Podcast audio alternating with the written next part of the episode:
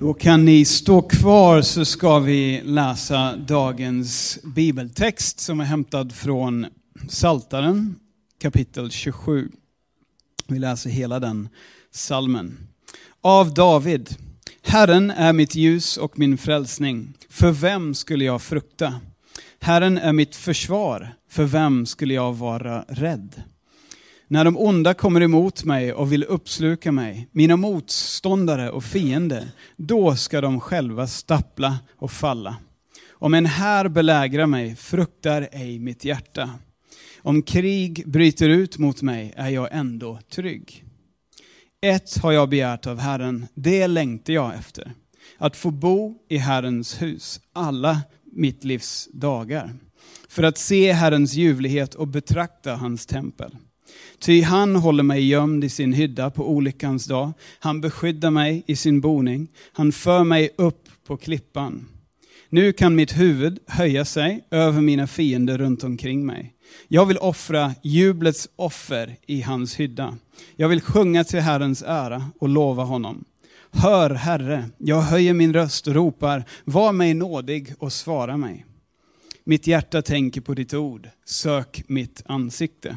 Ja, ditt ansikte, Herre, söker jag. Dölj inte ditt ansikte för mig. Driv inte bort din tjänare i vrede, du som har varit min hjälp. Släpp mig inte, överge mig inte, du min frälsningsgud. Om än min far och mor överger mig tar Herren emot mig. Visa mig, Herre, din väg, led mig på en jämn stig för mina förföljares skull. Överlämna mig inte åt mina ovänners illvilja, ty mot mig uppträder falska vittnen som andas våld. Jag är viss om att få se Herrens godhet i de levandes land. Hoppas på Herren, var stark och frimodig i ditt hjärta. Ja, vänta på Herren. Det här är Guds ord till oss. Varsågod och sitt. Och välkommen fram John Ted. Tack så mycket. Härligt. Tack så jättemycket Daniel och Linda, våra pastorer, för förtroendet att få dela Guds ord. Och eh, vi har kommit till den sista delen, avslutningen utav vår fader. Och det är alltså den, om jag har räknat rätt, den nionde. Kan det stämma? Och eh, den, den sista strofen, eller texten, den är ju då, riket är ditt och makten och äran i evighet. Amen. Och nu blir jag lite osäker på vilken översättning, om det var, jag tror att det är folkbibeln jag läser, och det finns ju så många. Vilken eh, du föredrar, det får du själv avgöra. Jag utgår ofta ifrån folkbibeln och så också denna förkunnelse. Hörni, ska vi eh, köra igång? Den här, äh, bibel, äh, den här bönen som vi läser då i Matteus, när Jesus lär oss att be. För det första så, om nu det är Guds son, vilket vi tror, så kanske han också hade en aning om att den här kan komma att bli välciterad, just den här bönen som jag nu ska. När lärjungarna frågar, lär oss att be. Så om, om det är Guds son vi pratar om, vilket vi tror, så kanske han också hade någon liten känsla av att den här bönen kommer att bes. I många, många, många år och tider och i många släkter, generationer och folkslag. Rubbet. Så det gäller att liksom, tror vi kanske då att bönen är ganska väl eh, genomtänkt och välfylld. Och ganska kraftfull. Och vi, det som vi då har gått igenom, det är ju det att vi ber egentligen om ganska mycket saker. Vi ber om vårt dagliga bröd. Vi ber om förlåt oss våra skulder, vi ber om att eh, led leda oss inte in i frestelse. Men nu är vi då i slutet på den här bönen. Och då har också bönen växlat lite grann, för då är det mer en bekännelse. Att vi bekänner ut. Ty riket är ditt. Och makten och härligheten i evighet. Du är alfa och omega. Du, du har det. Jag förstår att om jag bara får tag på dig Gud, så har jag också fått tag på allt det som vi har bett om i den här bönen om, om, om bröd och om syndernas förlåtelse och så vidare. Så det blir, en, det blir ju då att man knyter ihop säcken, vi, finns, vi bara bekänner att Gud är Gud. Han är vårt allt. I honom finns alla svar, i honom finns all tillfredsställelse. Right? Psalm 27 läste Brad och det är då dagens eh, parallellställe utifrån just Saltaren. Och de här eh, verserna, den här salmen, så ska vi lyfta fram fyra saker. Fyra ganska enkla saker. Och jag hoppas att det blir eh, eh, användbart för dig och mig, att vi tar med, tar med oss någonting hem. Nummer ett, så lyfter vi fram då det som David inser. Jag vet inte om vi har, vi med oss den på, på skärmen här. Det som David inser. Han, eh, han gör en reality check, alltså han facear saker. Han, han bara, fienden eh, är eh, in på mig, alltså om en här belägrar mig. Och så, så han, han liksom gör en reality check, han facear saker. Är ni med? Han inser hemska saker och mörka och läskiga saker. Och eh, det som David gör ska vi prata om. När han då inser det här så, så gör han någonting. Och, och så ska vi prata om nummer tre, hur han gör det. Precis, där är de. Det som David inser, det som David gör utefter vad han inser. Och hur han gör det utefter vad han inser. Och i slutet, varför han är viss om att detta fungerar. Nummer ett, det som David inser. Han eh, fejsar läskiga saker. När de onda kommer emot mig för att sluka mig. Mina motståndare och fiender, om, om en här belägrar mig, om krig bryter ut emot mig. Jag vet inte om det är exakt det som du och jag fejsar med tanke på att du och jag är inte kung. Eh, på det, du kanske för sig tycker att du är kung, på något sätt. Kungen av Kungsan. Men David var kung, Israels kung, och han, det var ju faktiskt eh, verklighet att eh, människor var ute efter hans liv. Människor ville störta honom ifrån tronen, människor ville förgifta honom, ville spetsa honom, ville komma åt hans makt och på det sättet. Så det här är bara det han inser. Och vad är det då han gör i detta?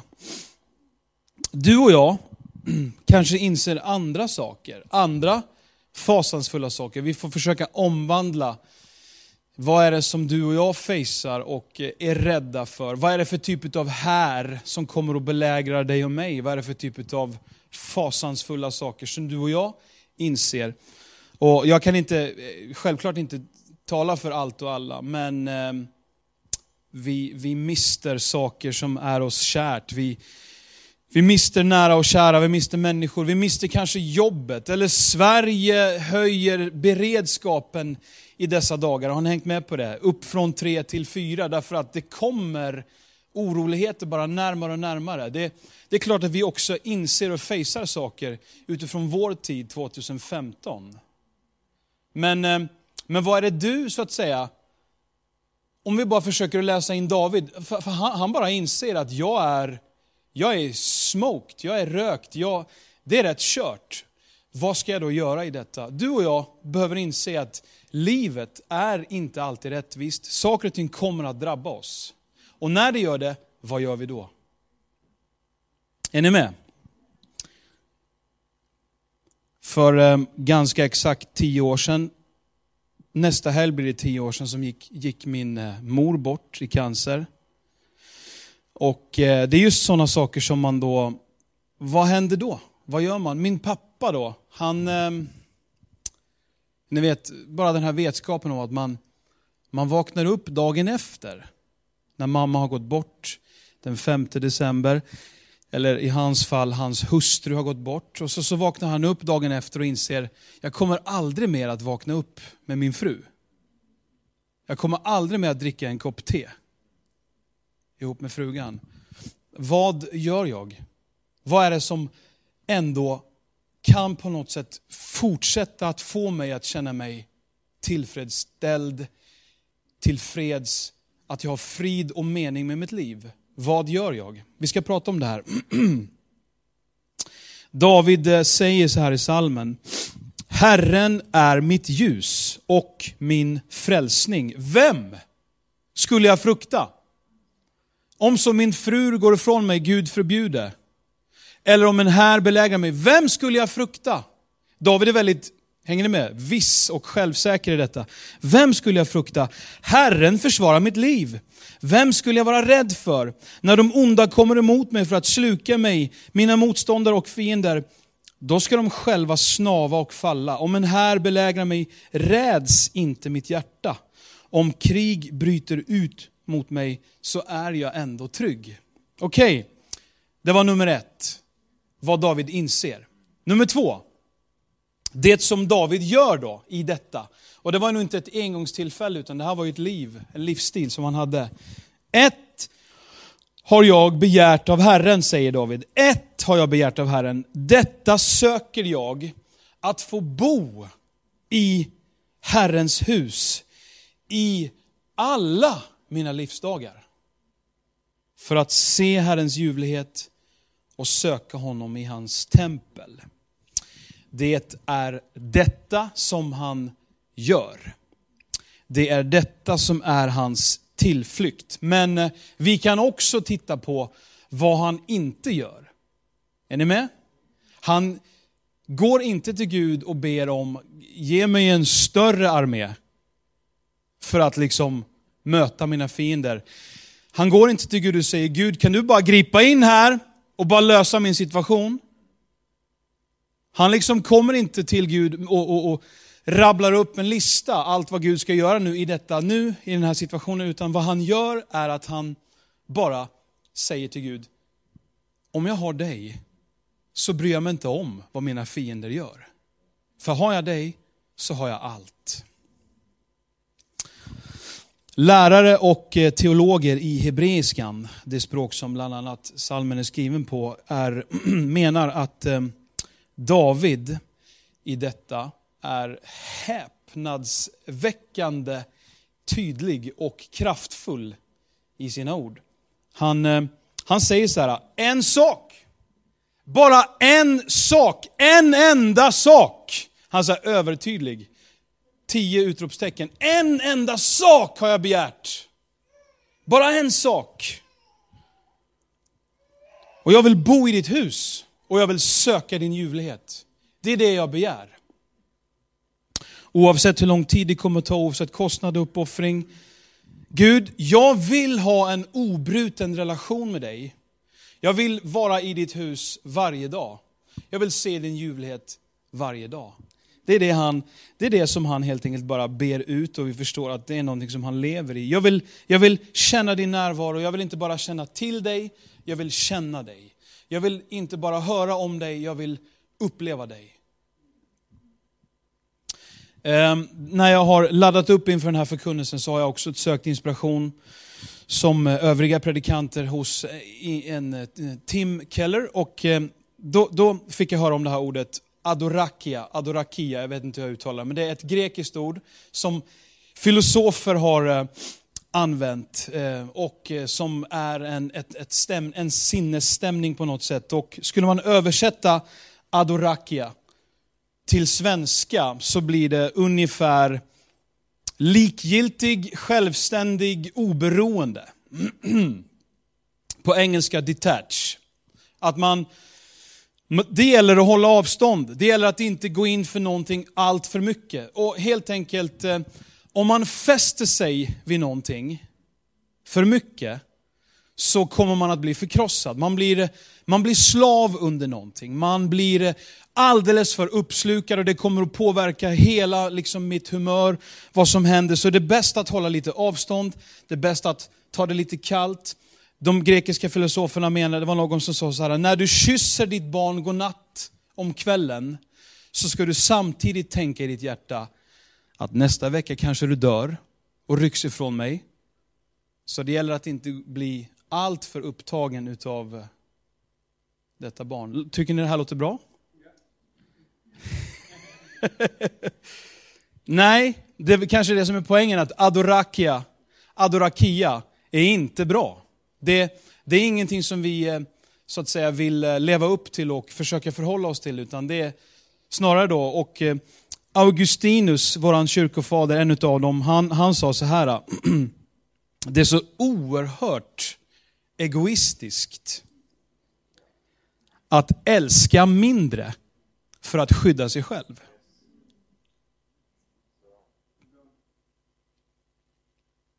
Ska vi älska mindre? Ska vi försöka hålla lite mer distans och hålla oss lite mer kalla? Nej, fel. Jag skulle vilja säga så här, låt oss, låt oss älska våra barn. Mm -mm. Låt oss älska våra hem och våra fluffiga kuddar och mat mm, mm. och eh, intressen och hobbys. Och låt oss älska våra jobb och inte minst låt oss älska våra vänner och våra familjer. Låt oss bara älska, låt oss gå all in och låta liksom bara hjärtat och kärleken rinna ut på bordet. Men låt oss älska Gud mer i allt detta.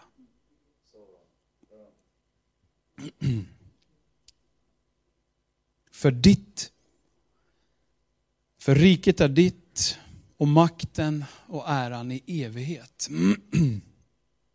Okej, okay. nummer tre. Vad han inser och eh, vad han gör. Med andra ord, han söker Gud. Hur söker han Gud? Vi ska titta på punkt tre. Hur gör David det? Och så står det i salmen, jag vill offra jublets offer i hans tält. Lägg märke till de här, de här orden, små orden som, som tält. Och eh, vi har pratat om Herrens hus tidigare. Alltså, det, det, är på något sätt en plats också som han talar om, David. Är ni med? Jag vill offra jublets offer i Herrens tält och jag vill sjunga och spela till Herren. Du vet, jag, jag behöver inte säga det till er för att vi vet det, men, men livet är inte rättvist. Gud är god, mitt i alltihopa. Och när livet drabbar dig och mig, det gör ju det, om och om igen så drabbas vi av livet, av orättvisor, av sorg och eh, tungmod och så vidare. När vi ibland eh, liksom upplever hur bara skottsalvorna viner kring öronen på oss, när vi upplever hur eh, leran inte bara är upp till knäna utan upp till nästippen för att vi, vi känner att vi är mitt i, i livet, mitt i smeten och, och saker och ting händer oss och så tänker man varför händer dåliga saker goda människor? Det finns många olika tankar kring det här. Men, och jag vet att det är lite självklart det jag säger, men den enda, och det här är ju svaret för hela världen, den enda möjliga vägen i livet, när det händer oss, född med eller utan guldsked i mun, den enda möjligheten att fortsätta känna tillfredsställelse, fortsätta känna mening och frid i livet, den finns bara hos Gud. Right? Det här vet vi om. Och det är det som David har insett. Fullständigt. Vanliga böner är ju så här, ge mig hälsa, beskydda mig, ge mig ett långt liv. Skicka en större armé som kan möta den som är emot mig. Ehm, Ge mig mera pengar. Gud kan du bara förändra det här eller det här.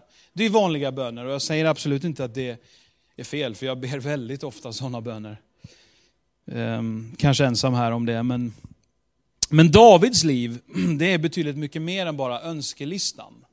Davids böneliv är, och, jag, och, och, då tänker jag bara på några saker som, um, jag bara tänkte efter, jag satt igår eller i fredags, och så tänkte jag så här, vad, vad har jag för människor runt omkring mig som... Och så tänkte jag på min, min farbror David Berge som när han var någonstans mellan 45 och 50 år så, så drabbades han av galopperande MS. Jag vet inte exakt vilken diagnos, vad den heter, men han, han, eh, han, kände, han berättade att han kände sockerdricks, liksom stock, stickande känsla i fotsulorna. Och där och då började MS. Och idag så, så sitter David i en permobil och är ett paket mer eller mindre. Han, han, ni vet, han klarar inte att gå på toa själv. Han, han är fullständigt i behov av hjälp. Och så kan man tycka så här, varför händer det dåliga saker med goda människor? Eh, vi kommer inte få svar på det. Vi, Daniel har pratat om en kille som heter Mika Jurikivi. Som eh, vid en krossolycka, visst var det så? Så blev han förlamad, i stort sett helt, helt förlamad från halsen och neråt. Han har väl Ytterpytterörlighet så att han kan göra små rörelser med, med händer och, och, fingrar och sådär. Um, det som hände med min pappa, att uh, frugan gick bort för tio år sedan. När livet händer, när det drabbar oss, för det gör ju det, så finns det bara en sak. David är fortfarande vid gott mod. David Berge, min släkting, han, om han får chansen så berättar han om Guds godhet. Han skulle kunna vara här idag och berätta att det finns någonting som är större, som han lever för. Mika, crosskillen, han har vigt sitt liv åt att tjäna Gud och hjälpa ungdomar.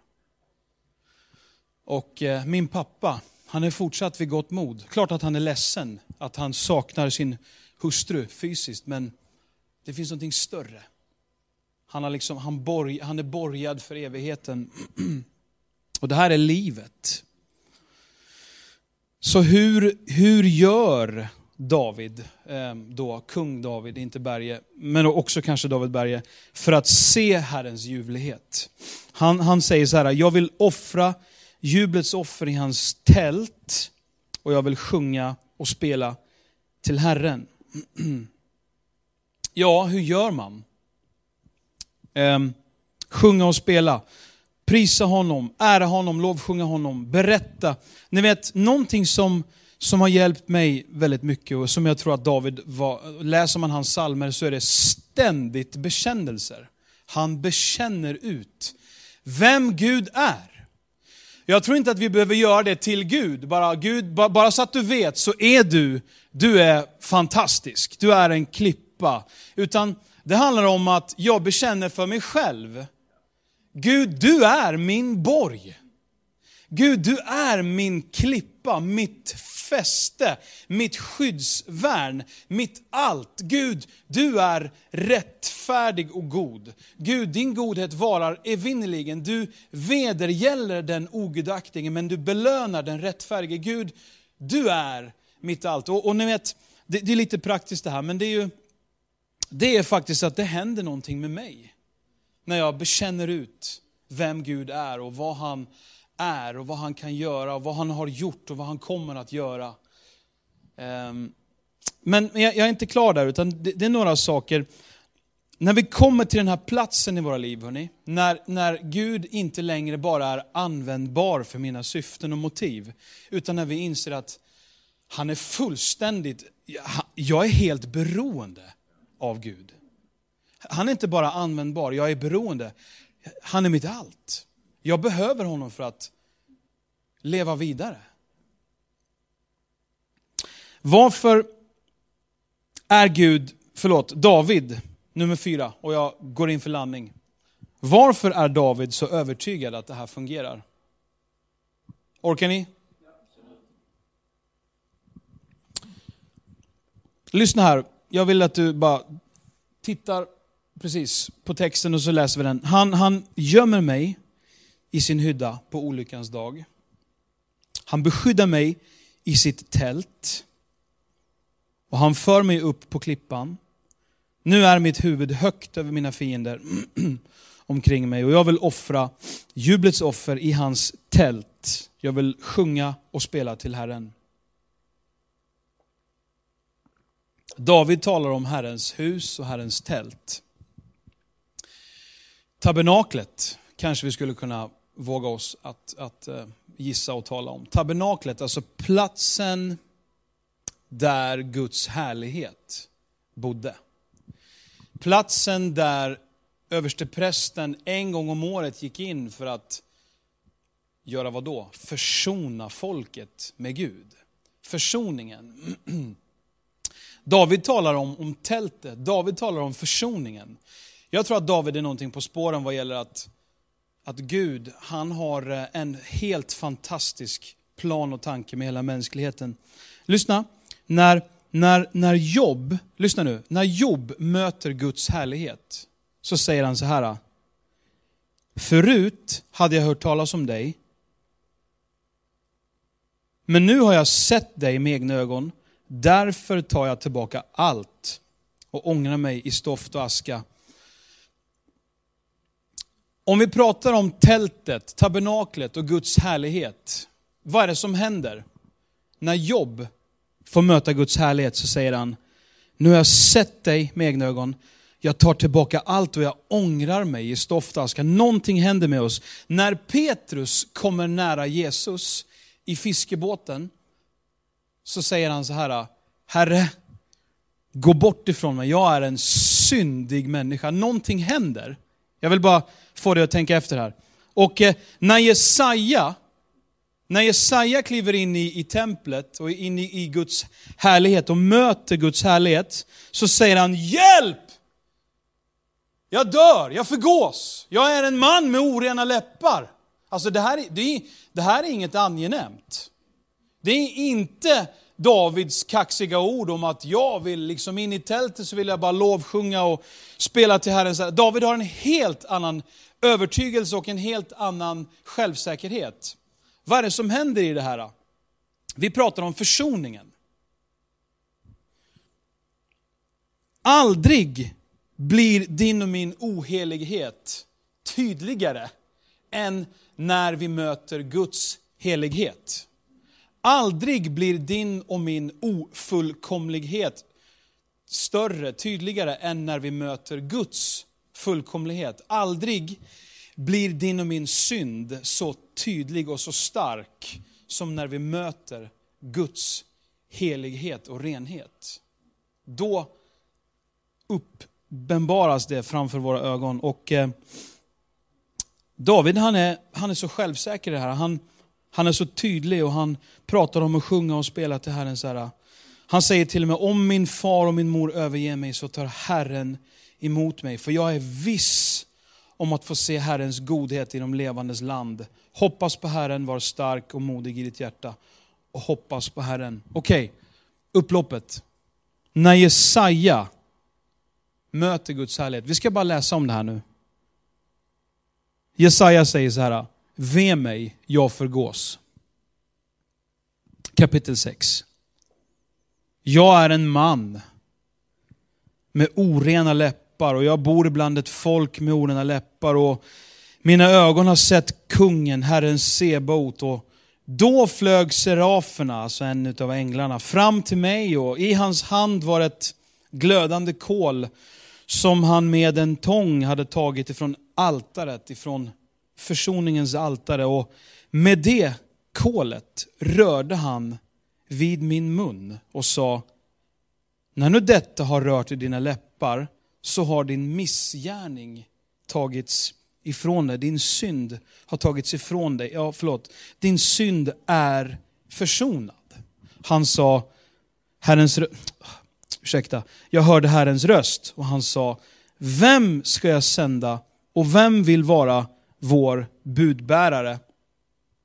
Paus, punkt. Bara för några minuter sedan, så, eller några sekunder sedan så, hjälp, jag förgås, jag är en man med orena läppar, det är kört! Och sen så bara, så kommer den här ängeln med försoningen och rör vid hans mun och så, så bara du vet, när du och jag möter Guds nåd, när du och jag möter Guds härlighet, när du och jag möter Guds godhet, så börjar en omvändelse på en gång i våra hjärtan. Jesaja säger, sänd mig, här är jag. För några minuter sedan sa han, ja det är kört, I'm lost, jag, jag kommer att dö. Efter försoningen säger han direkt, sänd mig. När, eh, när, när, när Petrus, um, som först är lite motstridig, han säger så här, Herre, vi har fiskat hela natten. Jag orkar inte slänga ut nät en gång till nu. Och så säger Jesus, jo, prova att slänga ut nätet på högra sidan eller längre ut. Ja visst, och så sa han, mutter, mutter, bu, bu. Och så sa okej okay då, bara för att du säger det, bara för, bara för att det är du. Så jag ska pröva. Och så hopp, typ, hoppas att det blir fel. Ska hoppas, nu ska jag, ja. Så han inte håller på och tjatar. Och så, så sliter han upp en helt enorm mängd med fisk. När, när Petrus möter Guds godhet, vad händer? Han kastar sig på knä och bara inser, jag, jag är en sån syndig människa. Men dagen efter, Jesus säger, följ mig. Jag vill göra dig till människofiskare. Absolut, jag hakar på. Du vet, nåd producerar goda gärningar. Guds nåd och godhet kommer att få dig och mig att vända om. När vi blir visade nåd och godhet så vill vi göra bättring, lära känna honom, göra 180, följa honom istället för att följa någon annan. När vi ser hans godhet. Visst är det så? När den här kvinnan då som har blivit ertappad med eh, äktenskapsbrott, som ska bli stenad. När Jesus visar henne nåd och godhet, han säger, inte heller jag dömer dig. Gå och synda inte mer. Vad händer? Ja, hon vänder om i sitt hjärta. Hon tänker, en sådan nåd och godhet vill jag fortsätta att följa. Så jag tror så här, och vi ser det i Guds ord, nåd kommer före omvändelse. Vi blir visade, nåden finns där för oss. Och när vi upplever Guds nåd så vänder vi om. Ehm, vi tänker kanske först omvändelse, sedan välsignelse. Först bli en bra människa, sedan komma till kyrkan. Eller hur? Ehm, först bön och fasta, sedan belöning. Först eh, späkning och eh, försakelse, sedan befordran och framgång. Nej, tvärtom. Det blir, en, det blir en tro på mina gärningar. Det blir någon slags lag i detta. Utan tvärtom, eh, baksidan med, med en sån typ av förkunnelse, att du ska liksom genomföra åtta punkter för att bara få ett eh, fantastiskt liv. Du ska, göra, du ska ha fem punkter för att komma in i ett härligt böneliv. Och du ska, det blir också en typ av lag, att eh, gör läxan så kommer du att få belöning, framgång. Men det är, inte, det är inte det vi ser i Guds ord, utan nåd visas mig. Jag är en eländig eh, eh, syndare, en rackare, en stackare. Men Guds nåd bara träffar mig i ansiktet om och om igen. Så jag skulle kunna predika om alla anledningar varför man inte blir frälst. Men, men eh, det kan vara att vi ofta själva är duktiga på att klandra oss själva och inte kvalificera in på något sätt för att vara en god kristen och platsa in i himlen. Ingen gör det egentligen, men Guds nåd öppnar dörren. Så här är avslutningen. Du och jag, vi är kvalificerade till himlen, till att vara nära Gud. På grund av Guds godhet, inte för att vi är duktiga. På grund av Jesu blod har varenda människa klarat testet. You passed the test. Du är förklarad rättfärdig i Kristus. Jesus har gjort dig och mig godkänd och helig. Och idag vill jag predika, det är inget fel på Gud. Det är inget fel på Guds ord. På grund av Gud och Guds ord och Jesus Kristus, Guds son, så är du och jag perfekta i Gud. Heliga, rättfärdiga, redo att ta emot Guds nåd. Ty riket är ditt och makten och äran i evighet. Du har allt Gud. Amen.